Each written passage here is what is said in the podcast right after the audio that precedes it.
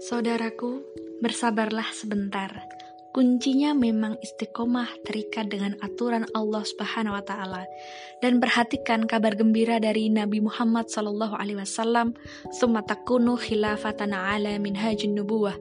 Kemudian datanglah masa khilafah yang berjalan di atas kenabian. Hadis riwayat Imam Ahmad.